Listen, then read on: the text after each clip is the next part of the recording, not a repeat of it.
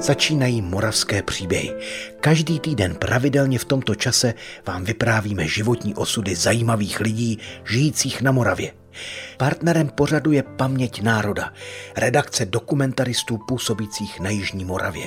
Díky nim vzniká unikátní archiv vzpomínek pamětníků, ze kterého čerpáme. A my jsme měli krásnou novou za protektorátu jako koupenu 32 mlatičku, Vichtrlovku, to byla ta naj, naj, najnovější vlastně typ, obrovská, to je na tehdejší dobu něco eh, jo, výjimečného.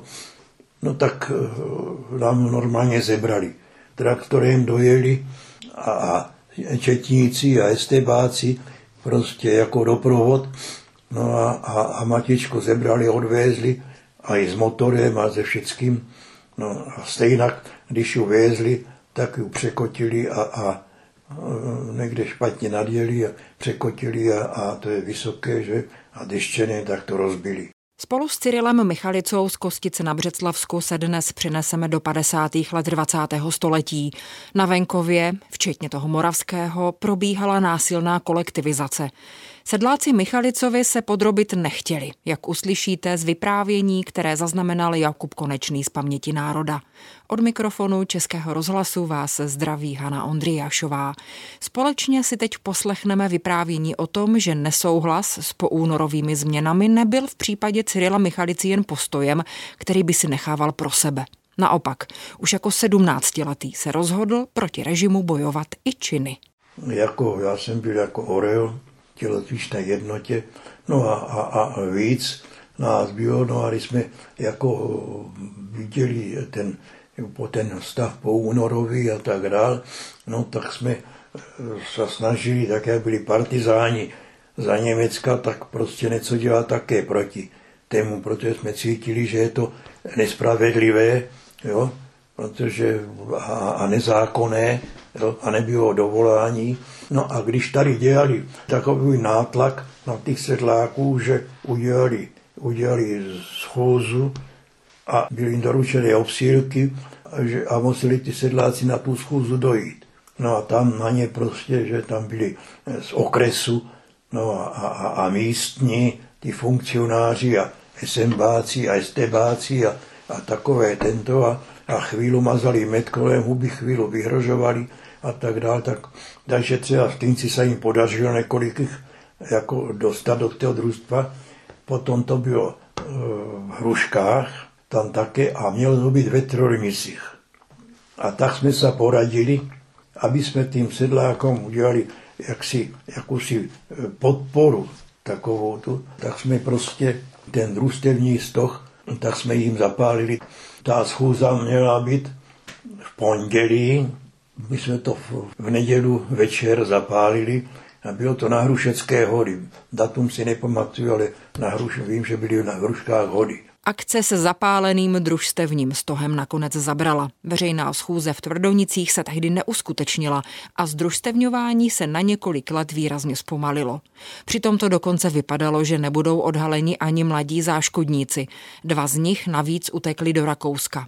Jenomže tamní úřady je jako nedospělé vrátili zpátky do Československa a spolu s nimi doputovala i informace o tom, kdo stoch zapálil. To bylo po Lanžovských vodech, když utekli, to je v září, to už chodí do školy.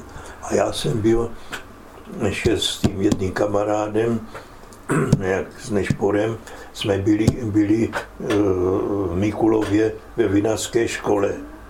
No a když ty dvou chytili, jo, což jsme teda nevěděli.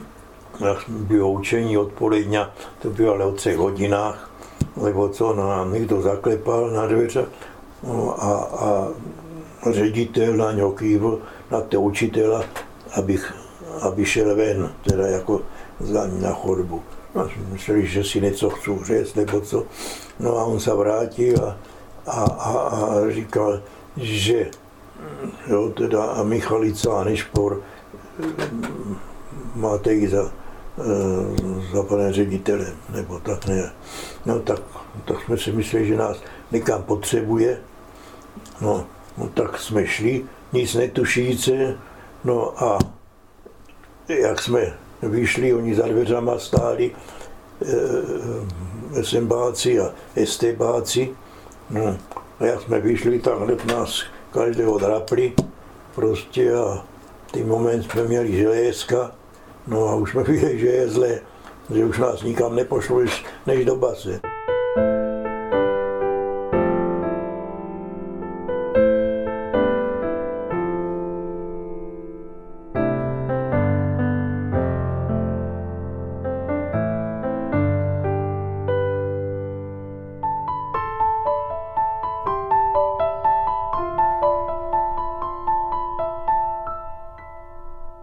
Já jsem byl jenom tak nalehko oblečený, odpoledně prostě v září, v říjnu, no 15. října, no tak to ještě bývá celkem teplo, že a tak jenom na, do té třídy, tak to, no a neměl jsem čas si jít e, na ubikaci, vzít něco na sebe, no a když už to byl e, večer kolem desáté a jedenácté, že jsme na toto a, a a bez pohybu a netopilo se tam, no tak už, už se mnou zima drkotala. Ten říká, co, co je ti zima? No, říkám, no, je, ne, ustrašený a to jak děcko. No, on tak mě začal packovat z každé strany, já nevím, nepočítaných chvacek, takže mě huba hořela, jo, líca mě hořaly a, tak co, ještě, ještě je ti zima? Tak jsem řekl, no už ne, pochopitelně, aby, aby nezačal ještě fackovat, že? No, 21. ledna jsem měl v Břeclavě soud, no udělali z toho monstra soud, protože to oni tam šli aj na sami milicionáři a, a z těch závodů břeclavských, to byl ta největší e, zasedací síň, no a a, a byli tam teda ze závodu od Galusa a tak dále a, a, a, a z těch závodů a z Kostic ty jezedačky, které dělají v JZD a tak dále, no tak se udělali takový monstra proces, takový začátek, potom samozřejmě to, co už dělali v Babicích a to, to už, už, už to uměli a už to dělali e, daleko ve větším a, a udělali takový, ale už, už měli tu snahu a i toto udělat takto veřejně, prostě, e, aby, aby teda co nejvíc poškodili nebo, nebo tak nějak. Jo. Cyril Michalica nakonec odešel od soudu s tříletým trestem vězení. Odseděl si ho téměř celý. Na svobodu ho dostala až amnestie pár týdnů před koncem trestu. Tím jeho problémy s režimem zdaleka neskončily. S nálepkou třídního nepřítele jen obtížně hledal práci. Po roce 89 marně usiloval o soudní rehabilitaci. Zamítl ji nejvyšší soud. V rozsudku ale konstatoval, že v případě zapáleného družstevního stohu šlo o čin hodný úcty. Milí posluchači, jak víte, příběhy čerpáme z rozsáhlého archivu Paměť národa. A ta má své srdce i na Jižní Moravě. Pobočka Paměti národa sídlí i v Brně.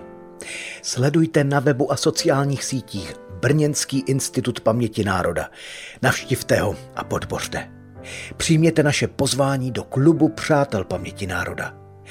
Díky vám zdokumentujeme paměť Moravy. Vše najdete na webu paměťnároda.cz. Děkujeme.